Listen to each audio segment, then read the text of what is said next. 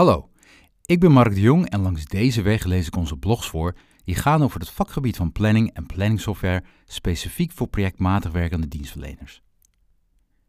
In deze aflevering heb ik een gastbijdrage van Ad van der Hulst van Just in Time. Hij helpt mensen met direct toepasbare productiviteit in vrolijke, klare taal, zodat ze minder corvée en meer resultaat hebben en daardoor weer tijd hebben voor de leuke en belangrijke dingen van het leven. Daar gaan we. Over autopsie na afloop van een project. Goud zoeken. Een stiefkindje in projectmanagement. De start van vele projecten krijgt aandacht. Er wordt gevierd, geïnstalleerd, gekickoffd enzovoort.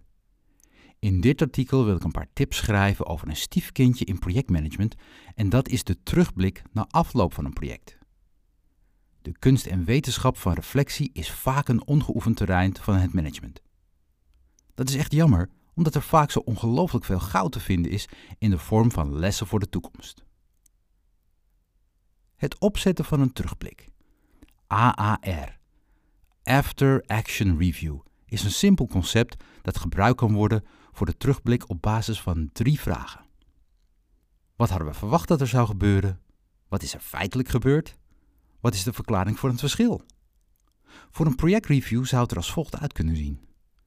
Organiseer een afgebakend moment met de sleutelfiguren in de uitvoering van het project. Gewoon zelf doen en zeker geen externe lieden als ik erbij. Bewerk met elkaar antwoorden op de volgende drie vragen. 1. Wat zou de opbrengst slash uitkomst hebben moeten zijn? Denk aan scope, projectdoel, middelen, tijdspad. 2. Wat is de actuele opbrengst slash uitkomst? En 3. Wat is de verklaring van het verschil? Ook als het meer opbrengst of minder uitputting van middelen is. Oogst de inzichten en lessen die naar boven komen. Beschrijf deze en gebruik ze in de organisatie van volgende projecten. Wat levert deze reflectie op?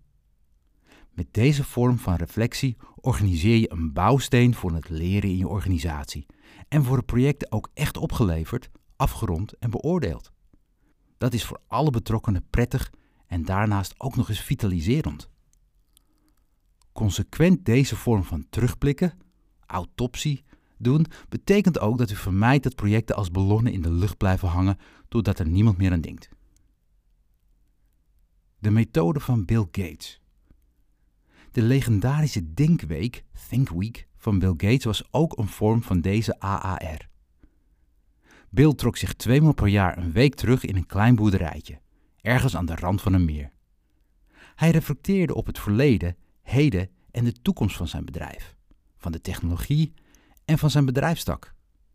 Hij deed dat onder andere op basis van een paar honderd voorbereide whitepapers, opgesteld door sleutelfiguren uit zijn bedrijf.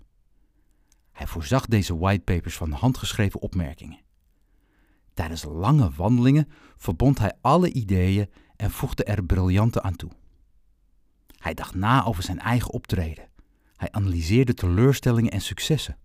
Hij reflecteerde en leerde.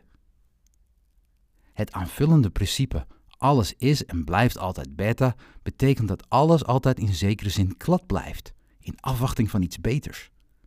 Een principe als dit houdt de organisatie reflecterend, lerend en vitaal.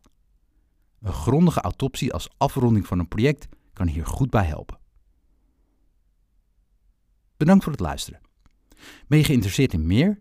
Ga dan naar www.timex.nl/blog om je gratis te abonneren. Tot de volgende.